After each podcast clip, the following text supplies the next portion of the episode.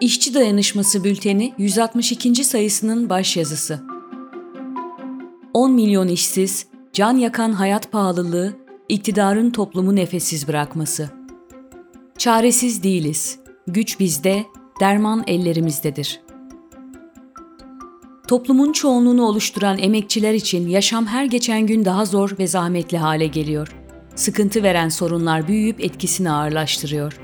İşçisinden öğrencisine, emeklisinden işsizine kadar emekçilerde endişe ve yarına dair karamsarlık duygusu hakim. 10 milyon işsizin olduğu, reel ücretlerin eridiği ve hayat pahalılığının durdurulamadığı, fakirleşme, yoksullaşma çukurunun genişleyip derinleştiği, milyonlarca öğrencinin geleceksizlik kaygısı yaşadığı bir toplumun yüzü gülebilir mi?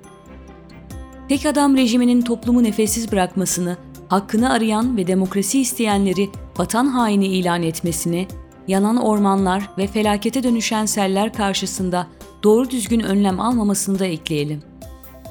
Her alanda toplumsal sorunlar devasa bir yumuğa dönüşürken, iktidar neredeyse tüm politikasını gerçekleri inkar etme ve hayali bir Türkiye algısı yaratma üzerine kurmuş durumda.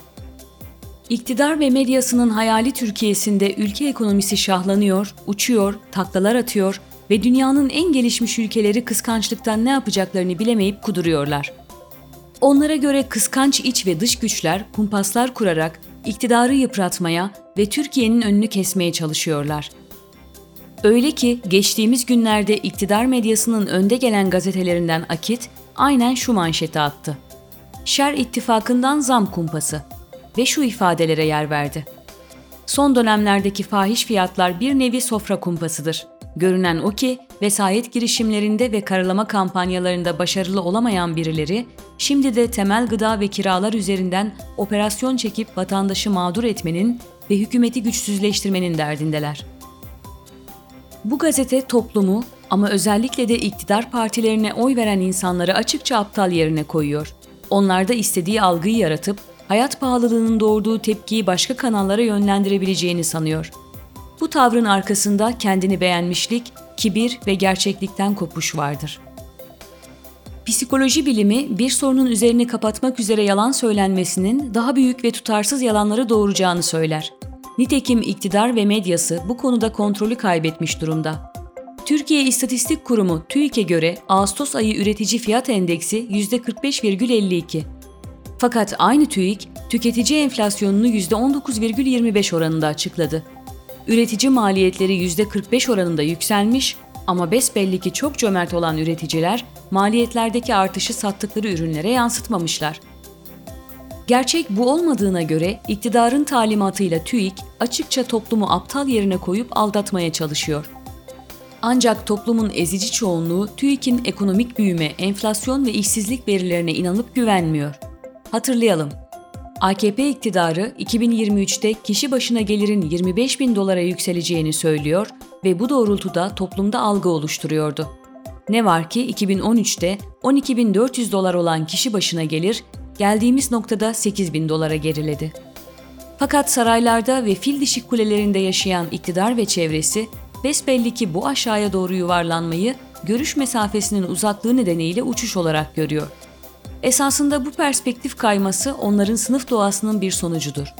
Onlarla aynı ülkede yaşamamız, aynı sınıftan olduğumuz anlamına gelmiyor.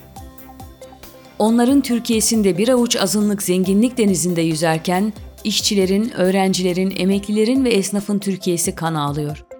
Emekçilerin Türkiye'sinde yoksulluğun doğurduğu çaresizlik duygusu anne ve babaların sinesine bir yumruk gibi çökerken onlar saraylarından bağırıyorlar.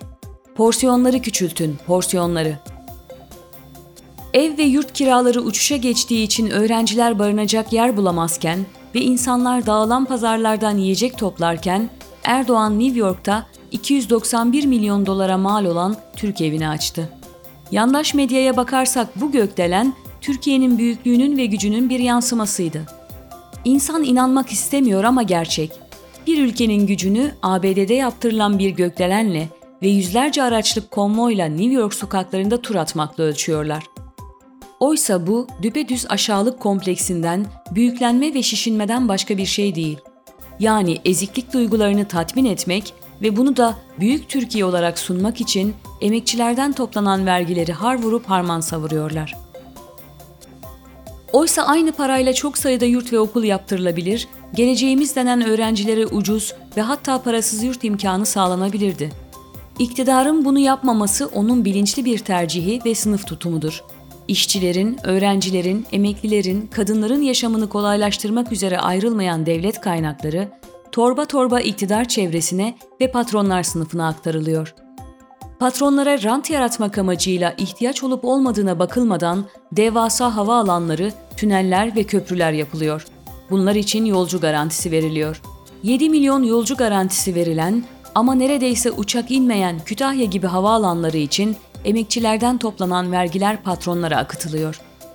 Fakat aynı iktidar hakkını arayan işçi ve öğrencilerin karşısına tüm devlet kurumlarını dikmekten bir an olsun geri durmuyor. Trakya bölgesinde grevde olan Belkarper ve Atkutürk işçilerine uygulanan polis zulmü, bu iktidarın işçi düşmanı olduğunu ve işçileri pariye olarak gördüğünü bir kez daha gözler önüne serdi. Tekirdağ valisiyle görüşmeye giden işçilere polis acımasızca saldırıp zulüm uyguladı. Her iki fabrikanın patronu da grevi kırarak hakkını arayan işçilerin iradesini ezmeye çalışıyor. Yasal haklarını kullanıp grev kırıcıları durdurmak isteyen işçilerin karşısına polis, jandarma, kaymakam, vali ve işkur çıkartılıyor. Yani tüm devlet kurumları patronların saflarında ama işçilerin karşısında birleşiyor.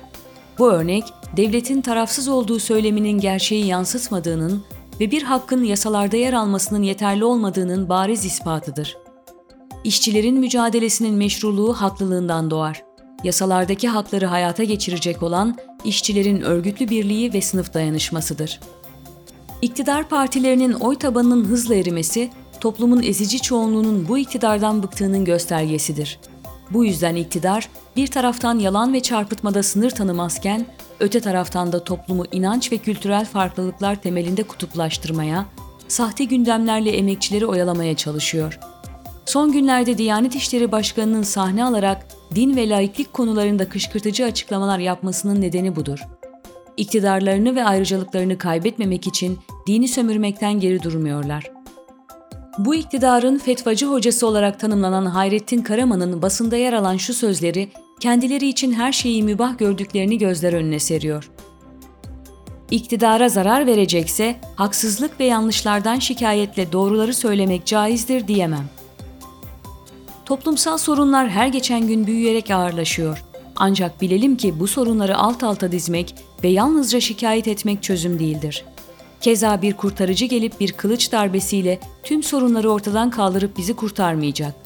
Gece gündüz üreten ama yoksulluğa mahkum edilen işçiler, işsizlikte kariyer yapmak istemeyen öğrenciler, iş bulamadığı için hayatının baharında tükenen milyonlarca genç, kahır çeken emekçi kadınlar ve elbette emekliler.